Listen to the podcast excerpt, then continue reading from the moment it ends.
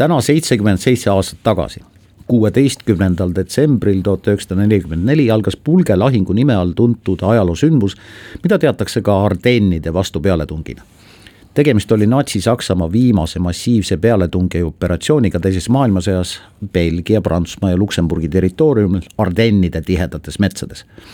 tänast ajaloorubriiki sisustavad Madis Kimmel ja Ainar Ruussaar kahekesi kusjuures Ruussaar on kahekümnenda sajandi selle ajalooetapi tundmisel võhik, Kimmel aga, ma ei tea, kas asjaarmastajana, aga mainitud perioodi uurinud.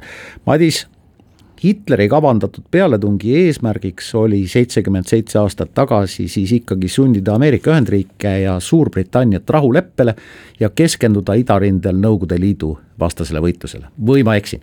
ei äh,, midagi, midagi nii olen ka mina lugenud, aga ma igaks juhuks pean jah ütlema, et minu näol on tegemist ikkagi asjaarmastajaga, nii et äh, kõik head äh, õppinud ajaloolased ja, ja teise maailmasõja eksperdid, kes te, kes te kuulate, siis antagu mulle andeks minu esimene ettekanne ajaloo teemal. aga Ardennide lahingu peamine eesmärk oli, oli Natsi-Saksamaa poolt just nimelt siis läbi murda Antwerpeni linnani võtta see ära, liitlased nii-öelda kahte lehte ajada ja vähemasti britid äh, ümber pöörata, et siis, äh, ümber piirata. et siis äh, nii-öelda separaatrahu läbirääkimistel olla ise tugevamas positsioonis ja, ja täpselt keskenduda nii-öelda sellele, mis, mis toimub idarindel. no igaüks, kes natuke ajalugu teab, teab, et nii see sündmus ei läinud. ja, ja, ja Natsi-Saksamaa sõja kaotas, tänaseks saame meie öelda, et tänu sellele oleme kahekümnenda sajandi lõpus lõpuks ja kahekümne esimesel sajandil ka meie võitjate poolel nii-öelda. aga Battle of the Bulge või, või siis emakeeli lihtsalt Ardennide vastu pealetung on kõige viimane tõesti selline suur, suur, suur äh, pealetung ja, ja lahing, mis äh, oli siis äh, noh, teatud mõttes ikkagi meeleheitlik katse aga taustast äh, võib-olla veel nii palju, et liitlased olid ju avanud teise rinde tolle aasta juunis ja olid jõudnud kiiremas tempos kui eeldatud edasi tungida. ühel hetkel oldi suisa nii entusiastlikud, et kõlasid fraasid nagu jõuame Berliini enne jõule ja, ja, ja jõuluks oleme Berliinis ja jõuluks oleme sõja lõpetanud ning kodus tagasi. liitlaste kiirest edenemisest sai aga ka nende takistus, nimelt ühest ühest küljest olid äh, mehed kurnatud ja, ja teisalt äh, muutusid logistikaprobleemid aina suuremaks ja ja detsembrikuus hakkas ka ilm vingerpussi mängima, nimelt eh, tihe udu, kehvad olud ei andnud võimalust õhuväele nii-öelda siis õhu kaudu saadetisi, saadetisi juurde saata. ja, ja ühel hetkel muidugi mõjus moraalile ja mitte ainult, aga ka vägedele üsna laastavalt operatsioon Turuplats või inglise keeli Market Gardeni sisuline ikkagi läbikukkumine ja nii jäid liitlaste väed Ardennides pidama ja Hitleri leeris küpseski siis noh, ühest küljest ju lihtne, aga äärmiselt ambitsioonikas plaan läbi murda ja vähemasti osa äh, liitlasi ümber piirata ning siis äh, sundida nad läbi rahuläbirääkimistele. kuueteistkümnenda detsembri varahommikul viis kolmkümmend äh, algas rünnak, mis oli liitlastele totaalne üllatus. sakslaste suurtükid hakkasid paukuma ja andsid järjest üheksakümmend minutit kuuma. selle aja jooksul lasti saja kahekümne kilomeetri pikkusel joonel välja hinnanguliselt tuhat kuussada suurtükki mürsku ja, ja tollesse päeva äh, jääb ka siis kõige jutumärkides õnnestunum äh, raketirünnak V2-ga Antwerpenis hukkus üle viiesaja viiekümne inimese. kui nüüd äh, lahingu käigust edasi rääkida, siis äh, sakslaste poolelt oli esmajoones oluline võtta enda valdusesse kesksed teed, sillad, ristmikud ja, ja nii edasi. ja ajalugu ning ajaloo sellised lood ja detailid räägivad kahest äh, suuremast sõlmpunktist või siis äh, otsustavast äh, kohast.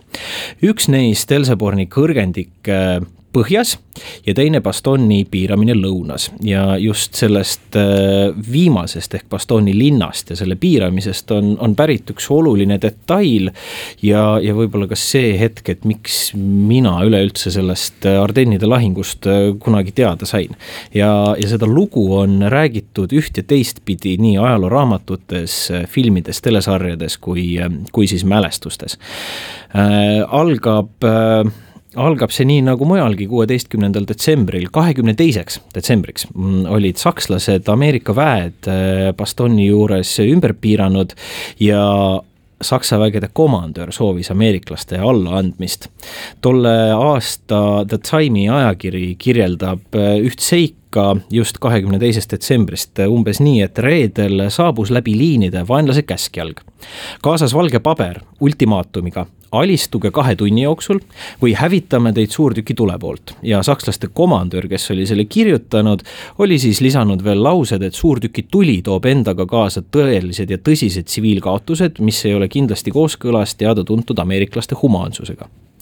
ameeriklaste brigaadi kindral McAuliffe äh, luges seda istus oma rusude vahel oleva kirjutuslaua taha ja trükkis masinal.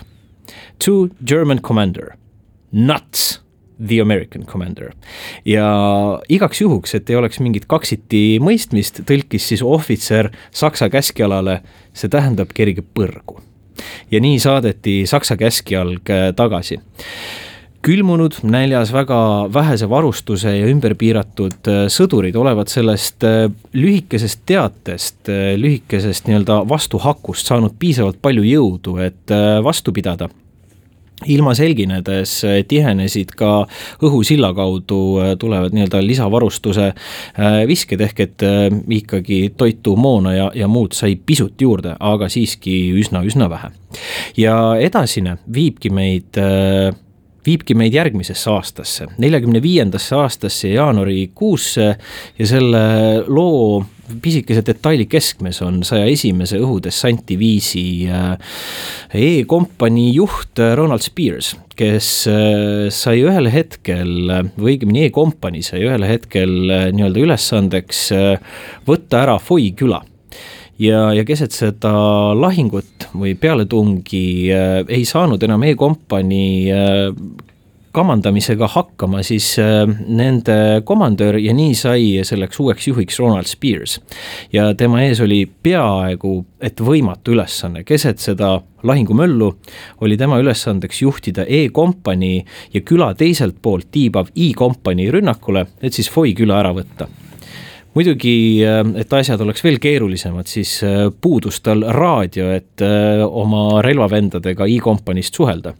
ja nii juhtus lugu, mida teleekraanilt nähes pidasid ilmselt väga-väga paljud inimesed seda lihtsalt dramaturgiliseks ilustuseks, kuid nagu selgub mälestustest, siis juhtus see tõesti päriselt. nimelt äh, võttis Spears jalad kõhu alt välja ja jooksis läbi küla. mitte niisama, vaid otse sakslaste liinist läbi ja, ja sakslased lihtsalt vaatasid pealt, kuidas Ameerika sõdur neist mööda tormab, I-kompanii juurde läheb ja edastab käskluse ja siis ei võtnud Spears mitte positsiooni koos I-kompaniiga sisse, vaid jooksis tagasi. uuesti läbi küla uuesti läbi ja mööda Saksa liinist. seda lugu on kirjeldanud E-kompanii mehed hiljem raamatus Relvavennad ja samanimelise pealkirja all jõudis see ka teleekraanidele aastal kaks tuhat üks. ja, ja tollest, tollest samast teleseriaalist olen, olen ka mina seda nii-öelda dramaturgilist versiooni siis näinud, aga mälestuste raamatus on kirjutanud või öelnud E-kompanii seersant umbes nii, et ta lihtsalt jooksis ja jätkis, jätkas jooksul otse läbi Saksa liini teisele poole. andis käsklused ja siis pööras tagasi ning jooksis meieni. ja, ja Lipton, seersant ütleb, et tõenäoline, et sakslased lihtsalt ei osanud oodata, üks hullumeelne jookseb läbi nende ja nad vaatasid peaaegu et sui ammuli pealt, kuidas, kuidas see asi käib. Foi linn langes lääneliitlaste kätte ja sealt edasi marsiti juba Bastoni peale ja ja nii äh, läks aega veel mõned päevad edasi ja, ja Hitleri väed äh, pidid äh, hakkama taganema. kahekümne viiendaks jaanuariks oli asi täiesti selge, Ardennide vastu pealetung oli läbi kukkunud ja edasi tegelesid Saksa väed ainult taganemisega kuni sõja lõpuni. et seda nii-öelda detailset lugu kuidagi äh, laiemaks tõmmata, siis äh, numbritest ka liitlasvägedel, liit-, liitlasvägedes siis nii-öelda hukkus, langes vangi või sai haavata umbes üheksakümmend tuhat inimest selle mm, lahingu käigus. Saksamaa poolel aga isegi kuni üheksakümmend kaheksa tuhat, muide need arvud on väga-väga sellised hüplikud, alates kuuekümne kolmest tuhandest kuni üheksakümne kaheksa tuhande meheni. ja äh, samuti neid tanke, õhusõidukeid ja, ja muud, mis hävitati, loetakse mitte sadades, vaid äh, tuhandetes. nii et see mm, detail, mis, äh, mis just hetk tagasi kõlas, on küll pärit jaanuarist, aga lahing, millises see toimus, siis sai alguse just nimelt täna